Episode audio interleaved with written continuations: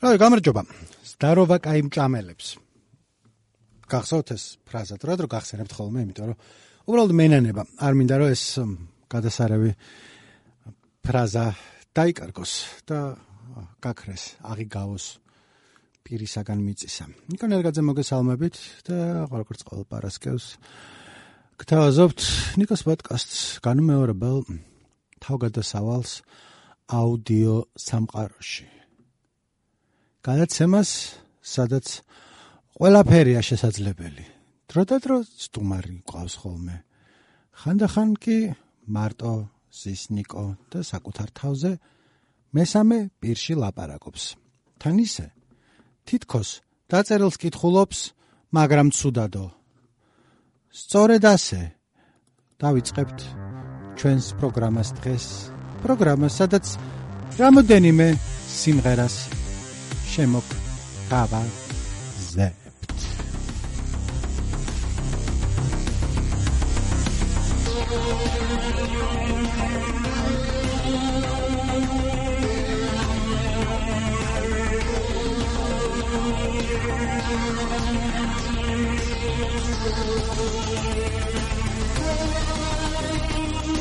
Thank you. ზე. რა ვიცი მოკლედ კონკრეტული თემა რაღაცა ისეთი რასაც ვილაპარაკებთ. არა არა მაქვს დღეს ერთ ხუთი სიმღერა მაქვს არჩეული და რამდენიმეს გავუშვებ აქედან და მაგის გარშემო ვიბაზროთ სიმღერების უმეტესობა არის ალბათ არ გექნებათ მოსმენელი იმიტომ რომ სპეციალურად შევარჩიე თქვენთვის ისეთი რაღაცები რომელიც ამოქექე ისტორიის სანაგვედან მოდი ასე ვთქვათ რა სანაკვეთა რატო ამბობ? არ ვიცი მაგრამ მოკლედ რამდენიმე Reddit-ზე ვარ რამდენიმე ქვერედიძე და კიდე რაღაცა ფორუმებზე ვარ ხოლმე სადაც ამ უცნობ სიმღერებს პოსტავენ რა თავისი წესებია რომ რამდენიმე 1000-ზე ნაკლები ნახვა უნდა კონდეს YouTube-ზე და ესე.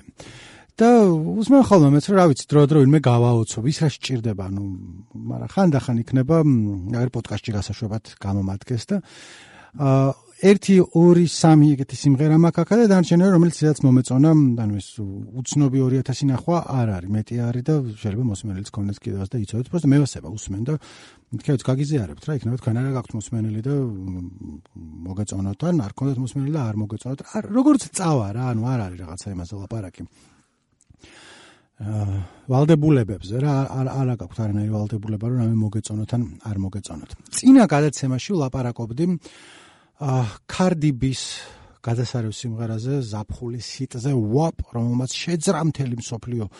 მსოფლიო არის შეძრული WAP-ით სველი WAP-ით და ვახსენე და შეიძლება არც ვახსენე მაგრამ ნუ ერთ-ერთი ის არის. აა ტექსტი არის ამ სიმღერიდან რომ I don't cook I don't clean let me show you how I got this ring ალბათ უფრო რიტმულათან უფრო ჩასმული იყო რაღაცნაირად სიმღერის ესთეტიკაში რაც ისარგმნება ესა რომ მე არ ვაკეთებ საჭმელს მე არ წმენთ სახს არ ვალაგებ მაგრამ გაჩვენეთ ახლა ბეჭედი როგორ დავითრიო მღერის ანგნებავთ ბაზრობს კარდიბი რაც იმას ნიშნავს რომ აიო გავთხოვდიო მაინც იმის და მიუხედავად რომ ცოლად არ ვარგივარო ბრჭალებს ვლაპარაკობ ამ ყველაფერს ნუ ჩემ ციტატას ნუ ციტატად ნუ მომიყვანთ. და არ გასულა ერთი კვირაც რომ რა მოხდა? ანუ როგორ გავთხოვდიო როგორ და მაგარი ვარ საწოლშიო მაგას ამბობს. მაგრამ არ გასულა ერთი კვირა და რა მოხდა? გაშორდა კარდიბი ქმარს ოფსეტს ნა? არსად არ მიდიო რა კიდე ოფსეტი თუ არიცით მიგოსი არის ეგეთი ჰიპ-ჰოპ ტრიო. ჰიპ-ჰოპში ტრიო სწორი იქნება მოსამნი არიან რა ერთ-ერთი არის იქიდან და კარტიბის ქმარი არის თუ იყო ყოველ შემთხვევაში ხალხს განქორწინებაზე აქვს შეტანილი საქმე. რატო არ ვიცი ან ჯერ არ არის გაბაზრებული ასე რომ მანამდე ცნობილია რომ ოფსეტი ღალატობდა კარტიბის და ის გაბრაზებული იყო მასზე მაგრამ მე შეერიგდნენ შვილი ყავთ ერთად ქვია culture kate რატო ვიცი ეს ყველაფერი? არ ვიცი იმიტომ რომ რაღაც მომენტში წავიკითხე და მე დამამახსოვრდა არც კარდიბის ფანი ვარ, არც მიგოსის culture-ს ასვერჩი ერთი წლის არის ალბათ საყვარელი ბავშვია, მაგრამ რატომ დავიცოდე რაღაცების. აა, ან თქვენ რატომ დაიცოდეთ? რატო გითხარით ახლა? არ ვიცი. გიჟი სამყარო შეიშალა. სამყარო შეიშალა ხალხო. და სწორედ ამასთან დაკავშირებით დავიწყებთ ახლა ჩვენს პირველ მას სიმღერას.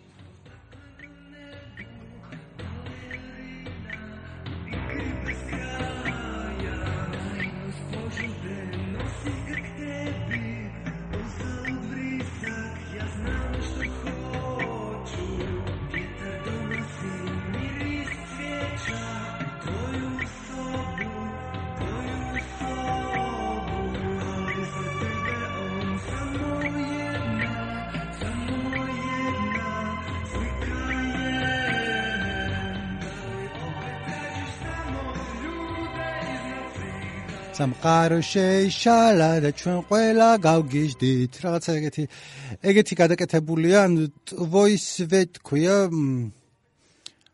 ხორვატიაში რა ენაზე ლაპარაკობენ ხორვატულად ალბათ არ არ არ ვიცი ეს რა ყოველ ხში ჯგუფი ვიცი რა ხა არ არ მინდა რომ ისე ი არაფერი არ ვიცი მე შეიძლება ენაზე ლაპარაკობენ და შემდეგ გამოვიდა ეს არის ჯგუფი Brazil ესე ქვია ან Brazil არ ვიცი.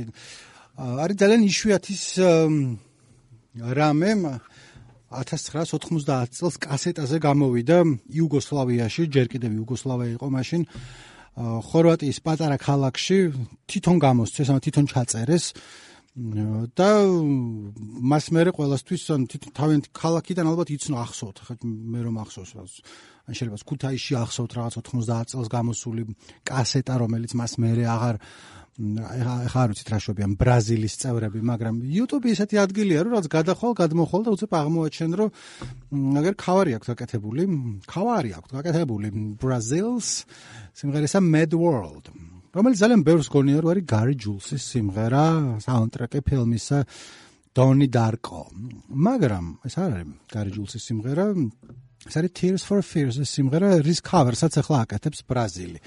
და როცა თქვი რომ სამყარო შეიშალა, სამყარო შეიშალა, მაგაზია ორიგინალ Mad World, მაგრამ ტვოისვე ალბათ შენ შუქს ნიშნავს, მე როგორც ჩემი ლოგიკა როგორც მკარნახობს. ტვოისე. მაგით არის შედარებით ცუდი ხარისხის, თუმცა ხა ეს უბრალოდ გასაშ ბრაზილის სხვა სიმღერა მინდოდა გამეშვა.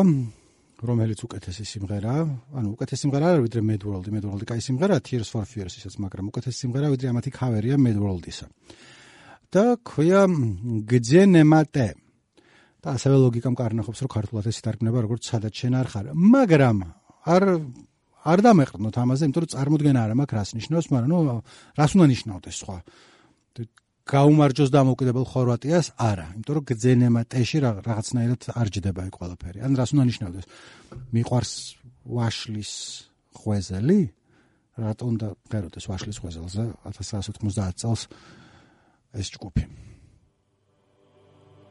რატომ? მე თქვენ გეკითხებით.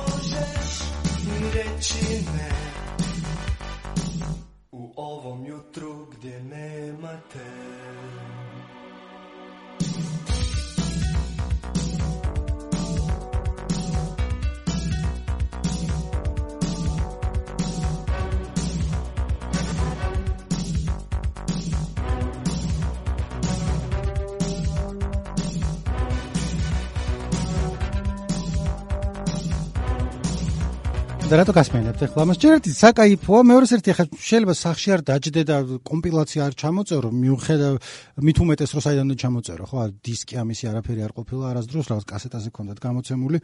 მაგრამ ხუმრობის გარშე ცოტა იმას მიშვება ხოლმე. დროში გამოგზაურებს რა რომ წარმოვიდგე რომ ვიღაც ტიპები იყვნენ ჯერ კიდევ იუგოსლავიაში წერდნენ ხორვატულად სიმღერებს ხორვატულად არის ხა ვიხუმრე თავიდან რომ არ ვიცი რა ხდება როგორ არის.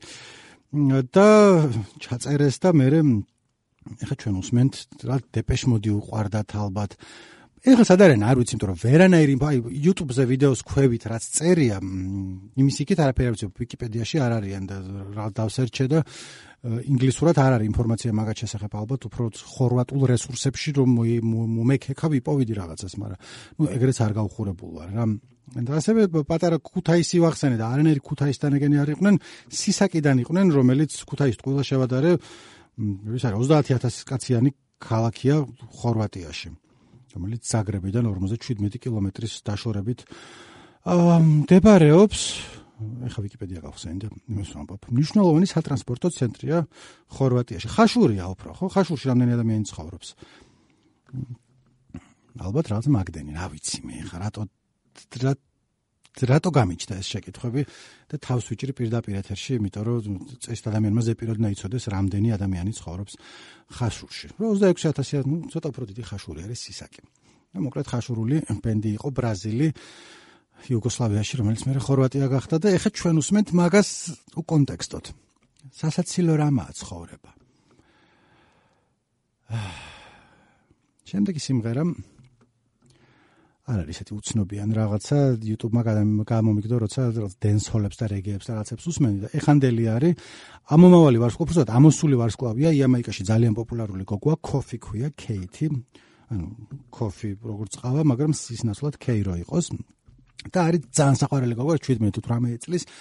და მოკლედ ძალიან უწინასწარმეტყველებენ დიდ მომავალს თავის მშობლიურ კინგსტონში ალბათ აქვს უკვე დიდი აწმყო ანუ ხალხი იცნობს რაღაც რამდენი მილიონი ნახვა აქ YouTube-ზე.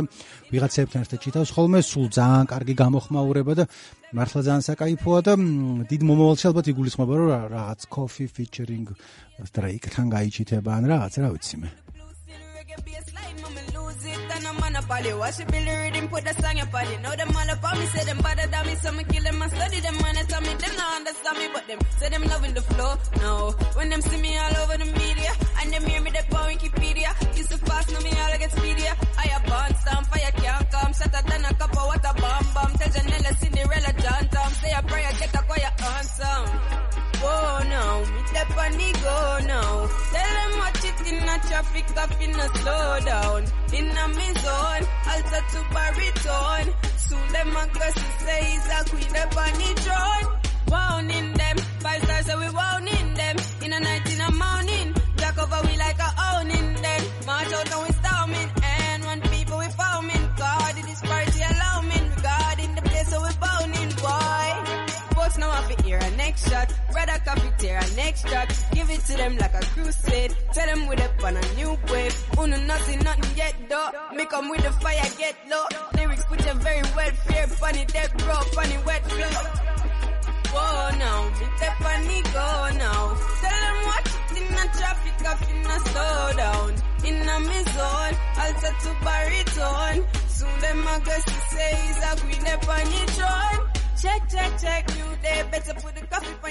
და მოკლედ ბრაზილიისგან განსხვავებით ამას კი მოусმენ და კაცი საკუთარი ნებითაც არა მარტო ხვის გასაოცებლად რომ რაღაცა აი ნახე როგორ რენდომ რაღაცეებს უსმენ აა გძენე მატე გძენე მატე ძინა არა მე რა ჩართავ რა მანქანაში ჩასართავად არ არის ცუდი სიმღერა.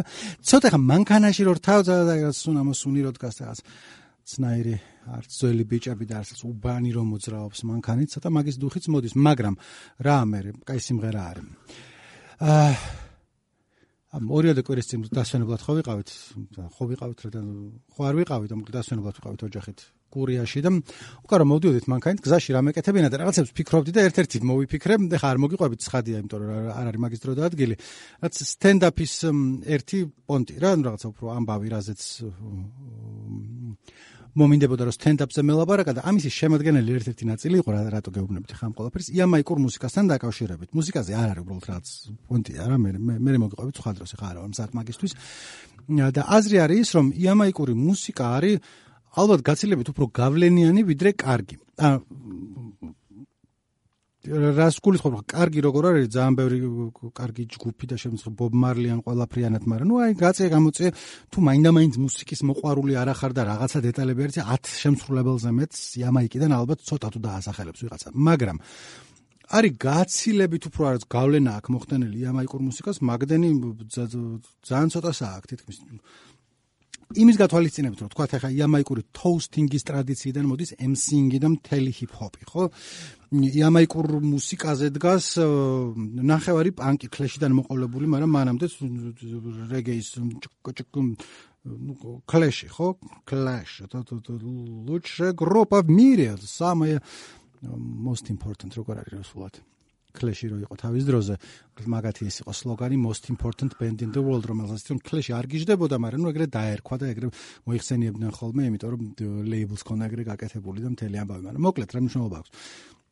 მაგას გარდა ხა ნახევარი პოპ მუსიკა მაგაზე დგას და ნახევარი ელექტრონული მუსიკა რემიქსის მთელი კულტურა დაბიდან მოდის. მოკლედ რა იამაიკამ ბევრი მოგცა გაცილებით მეტი მოგცა ვიდრე დაგვიტოვა არა, არ გამოდის ესე кай წირები, მაგრამ ხო ხდებით რაც ვამბობთ. თვითონ ამ მაიკრო მუსიკას რა მოусმინო, დენსოლს და რაღაცებს ერთი-ორჯერ кай ამარ, ნუ მე ამოგდის ყელში რაღაც ხანში. ბუჯუ ბანტონს რამდენი უნდა უსმინო, ხო? ორი სიმღერა კაცია გამოწია. და შაგის და ანუ ეგენი უკვე ვინც გაიქაჩნენ იქ არიან, მაგრამ ხო არიან ანდერგრაუნდ შაგი ტიპებისაც კინგსტონის კლუბებში რომ და აბა ვერ ვაკეთებ მაგას, მაპატეთ, ვერ ვაკეთებ, არ შემიძლია. არა მაქვს გამოჯავრების ნიჭი. არ შემიძლია ვიღაცას მეგრულად რო გამოაჯერ ხო იყო ერთი მიხვიდით აფში არ გამომდის ხო შეიძლება ცოტა მაინც ნიჭი ქონდეს ადამიანს მაგრამ არა ეხლა მოდი ერთი კიდე უცნობი ჩამანაცვლოთ, ამასაც 1-13-ი ნახვა აქ, თუ არ ვწდები YouTube-ზე. და არის ვიღაცა იაპონელი გოგოს ქავერი Shop Boys-ის სიმღერის. ეგ ცოტა ტენდენცია გამოიკვეთა ამ წუთას ჩემ თვალშიც, რომ ბოლო დროს უფრო 80-იან წლების synth pops და რაღაცებს უსმენ ხოლმე ჩემთვის. ამინდის ბრალი ალბათ მოხდილი როცა ვარ hip hop-ს უსმენ ქუჩაში და ეხლა თან ახალი კურსაცავებმა კარგად ისმის რაღაცები და რაღაცა მისწორდება რა. ხო და ეს არის ჰიდემი იშიკავა. ან ჰიდან არც იაპონურად იაპონური პრონონსით როგორ გამოთქვა, მაგრამ love comes quickly ქვია სიმღერას, რომელიც მოგეხსენებათ პეჩო პეჩო ბიისის სიმღერაა, როგორც ჩემ ბავშვობაში ერთხელ დავინახე, ეწერა ხმის ჩამწერ აა მიწის ქვეშაში ხმებს წერდნენ ხოლმე. ხმებს წერდნენ რა იგულისხმება რომ მუსიკის მოსმენა თუ გინდა და მიქონდა კასეტა, ცარელ კასეტას ყიდულობდი, მიქონდა ტიპთან და ის გიწერდა რაღაც ალბომს. და რა ალბომები გქონდათ, გარეთ იყო ხოლმე გამოკრული და ნუ ხანდახან წინასწარ უკვე ჩაწერილები იყო და რადგან პეჩო ბიისი ეწერა. რომელიც მივხვდით რა რომ იყო Pet Shop Boys-ი, მაგრამ მივხვდით მე ჩემ მეგობარი ყავით იმა, მაგრამ როცა შევხედე Pet Shop Boys-ი რო ეწერა, მაშინ Pet Shop Boys-ი მეგონა სამარცხვინო ჯგუფი, რომელსაც არასდროს არ მოусმენდი ცხოვრებაში, იმიტომ რომ ну попса, бля, попса, это что такое? Это не металл, понимаете? Музыка არის. შაშალა პეჩო ბოისი რაღაცა ის იყო. გოესტ სირცხვილია და მე მივხვდ, მე დავაფასე რომ პეჩო ბოისი ყოფილა რაც ყოფილა. ახლა ახლა დავაფასოთ იაპონურად როგორ ჟღერს Love Comes Quickly.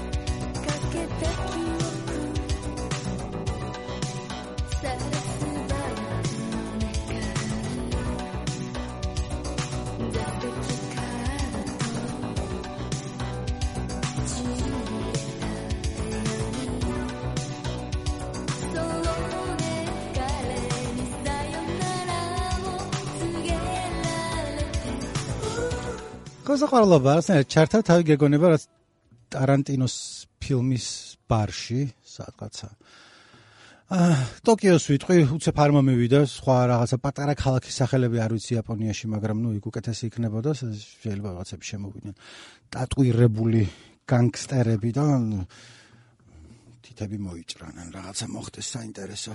ტარანტინოს ფილმი თუ რამე საინტერესო მოხდება. ან მეორე ვარიანტია რომ შემოვიდნენ ტატუირებული განგსტერები და ილაპარაკონ ხაჭაპურზე ან რაღაცა როგორ სუშის არასწორად ჭამენ ამერიკაში. ხო ხო იცი, ორივე შეიძლება მოხდეს. შეიძლება ძალადობის აფეთქებით დასრულდეს სისხლის ვულკანით, შეიძლება ტარანტინოს ფილმის სცენაზე მაქვს ლაპარაკი, შეიძლება მოირწყას სისხლით ოთახი, მაგრამ მეორე ვარიანტი რომ 20 წუთის განმავლობაში რაღაცები ვილაპარაკონ და ორივე კარგია ხოლმე რა. შენი საყვარელი რეჟისორი კვენტინ ტარანტინო. ცოტა უხერხულია ხოლმე. აა მაგის თქმა. ანუ ძალიან მიყვარს ტარანტინო, მაგრამ როცა გეკითხა საყვარელი რეჟისორი და მე ტარანტინოს რო ამბობ, მე უნდა ახსნა რა. იმიტომ რომ ცოტა ძალიან მეინსტრიმული პასუხია, ძალიან basic pitch გამოდიხარ, რომ ტარანტინო საყვარელი რეჟისორი. საყვარელი ფილმი ნათლია. არა და მართლა ნათლია ჩემს საყვარელი ფილმი ერთიც და მეორეც. სათან მაფიაც მიყვარს და თან ფილმიც ძალიან მაგარია, მაგრამ მანდაც ახსნა კიდე რომ კრეოსნი აწეცი, იმიტომ კი არა ოღონდ რომ დონ ვიტო მომწონს რა, როგორ არ მოგწონს, მოგწონს დონ ვიტო ყველას მოწონს. მასკულინობის განსახიერება არის ის და ჩემთან მოხვედი ახლა როცა დაგჭირდა ბილ ვიცი რომ ბილი არ ქვია თუ რა ვიცი ფიქრობთ რომ ხო რაღაცებს ბოდავს ნიკო პირველად მისმენთ ჯერ არ გამიკეთებია გამიკეთებია ხოლმე და დრო დრო მე გამუნათებთ აქეთ რომ რა იყო რა გაგიკვირდა რა გაგიკვირდა ხო ხვდებით ანუ როცა რომ ხმები არ გამომდის, აქცენტები არ გამომდის, აბა ისი აქცენტი იყო, რეგეგი იკვირდა, არ ვიცი მე ის. რაცა წარმოსახვითი კუთხის საქართველოს. ერთ სიმღერასაც გავუშვებ და აქნა ნახევარ საათიანი პოდკასტი გავამოდეს. ეს არის ყველაზე ცნობილი ამათგან, რასაც ახლა გავუშვებ და ჩემი აა რამდენჯერმე ვილაპარაკე, როგორ შემიყვარდა slow time. slow thigh არის ბრიტანელი რეპერი, ეხა ერთ-ერთი ყველაზე უფრო ასე ამავალი ამოსული უკვე რა ყველგან ჩითავს იქ მე გორილასთან ნახე პირველად, მაგრამ მე ნახე რომ უკვე რაღაც ალბომი აქვს გამოშვებული, ძალიან საკაიფოა, ბევრი კაი სიმღერა აქვს და ეს არის ტრეკი, სადაც არის featuring slow thigh, flume არის ეგეთი ავსტრალიელი აა რა ქვია, მუსიკოსი რა, მუსიკის პროდი მუსიკას აკეთებს. და Flum and Howells HWLS არ ვიცი როგორ გამოითქმის ესე ცნობილი არის მაგრამ Fletchering Slow და რატო თქვი რომ ცნობილია თქო თუ შეხედავთ Flum და Slow Thigh რო ჩაწერო ან High Beams რა ვიცი როგორც მოგინდებათ YouTube-ში ამის კლიპს ნახავთ რომელიც კლიპი არ არის ვიზუალიზაცია ახლავს. უფრო მანქანა დგას და იმის უკან ტიპია და უფრიალებს მოსასხამი თუ რაღაცა ეგეთი. მოკლედ ძალიან გავს კაეკატას მიერ გაკეთებულ ვიზუალიზაციებს. არ ვიცი მაგით იყოს დაგონებული თუ დამოუკიდებლად სალსალკე გააკეთეს თუ რა არის მაგრამ გავს კია და ტრეკი არის იმენა hot fire ცეცხლის ჟონავს იქიდან ძალიან მაგარია ჯერტი slow time beats აკლავს ზევიდან როგორც ტარანტინოს ფილმებში ხოცებიან ხოლმე ხალხი ისე მაგრამ თვითონ ბიტი ჩუაში შემოდის რაღაცა ეს ტრონ ტრონ ტრონ ტრონ ამას თავიდან ბოლომდე გავუშვებ იმიტომ რომ ეს არის ოქრო. Some days I was waste like plums that ain't been ate for months. Mom's in his place to glum Food that I ate, hey my Tom Can't settle fairy tale skin pebbles Raised in slum. Somehow gotta make me some. I ain't trying to stay on mums Mom said don't play with guns Banging I ain't playing on drums. Slanging in under no thumb Made me draw from a thumb Putting on pie ain't eating crumbs. Get rich thing it I don't mean that much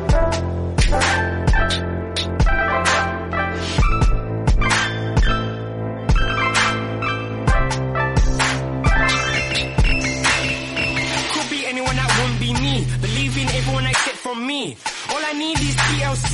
Block it out with THC. You would know if you seen what I seen. It ain't smooth like Maybelline. Tell me out like one, two, three. Proof from God said my move was strong. Fight between my teeth said I'm moving long. Do you know where I've been? Back and forth to Timbuktu. Still I come through like Mr. Sheen. Dealing with Charlie Sheens. That time can you play the strings? No cut, no scene. Look, you killing up your eye green.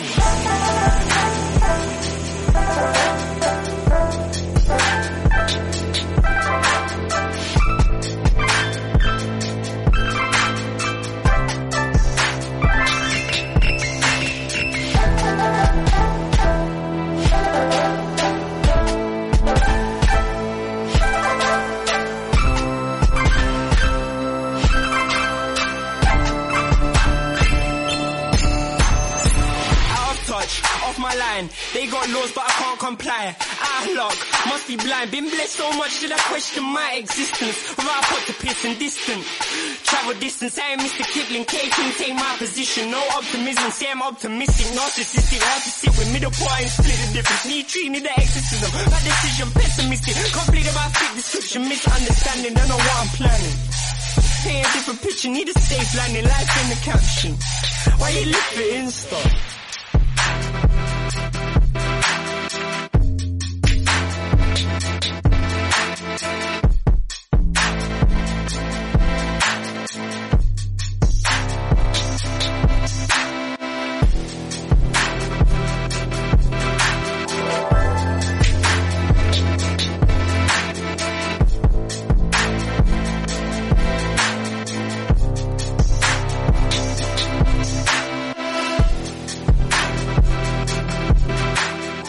სადაც ამიტომაც კომენტარებში ეწერა ეს ტრეკიო სლოუთაის მოყვარულებს ესებათო და ფლუმზის ფანებსო ნაკლებათო და რა დააკლო ამ ტრეკმა ფლუმზის ფანებს ჯერ მარტო რა კისერი მოგტყდება ადამიანს? ყოველთვის მე ესეთია რა კულარი რა მოусმენ რაზნერი კულბითია რა. აკარე კულბითია ძმაო რა. მარტო ამიტომ მინდა რომ ვიღაც მუსიკის პროდიუსერის მეგობარი ვიყო, რომ რაცხა სტუდიაში რო ზიხარ და გააკეთებს ბიტს და ეთქვი, რომ კულბითია ძმაო, კულბითია. აი მას ეს ამონება ალბათ, იმიტომ რომ ყველას მოწონს როდესაც ეუბნებიან, რომ კულბითი გააკეთებო, მაგრამ ყველს ასწავლს მეჩვენა, კულბითი რა არის, მაგრამ ნუ კულბითი თან რაღაცნაირი ლთი რო გამოთქვა, რაღაცნაირი რეგიონული ლოკი რა კულბითი. მე მგონი საერთოდ გავჭედე ხალხო, წავედი ახლა დავიშალეთ, ვიდრე თავი მომიჭრია, მეტი რა უნდა მოვიჭრა თავი. პრინციპში თავიდან როცა თამასას დააკეთებ დაბლა, თავიდანვე როცა არ არ გაფილტრა ყველაფერს, რასაც რაც ენაზე მოგივა ხოლმე და არი ფიქრებ, რომ რაც კარგია, ცუდია თუ რაღაცა, მოკლედ თავიდან უნდა მოვიჭრა თავი. პირველად უნდა ქნამ, ჩემი რჩევა. ოთახში შედიხარ, აა ჩაიხადო ირბინო მაგის მე შო თავისუფალი ხარ, შეგიძლია რაც გინდა აკეთო. რა არ ვიცი. სლათ მაგჩას ნუ მიყვებით ხარ, არ დარწმუნებულიო, კაი რჩევაა, მაგრამ მეორე მხრივ არც ცუდი არ არის. ნიკონერაძე. ნიკოს პოდკასტი. Alles geordnet. Wow.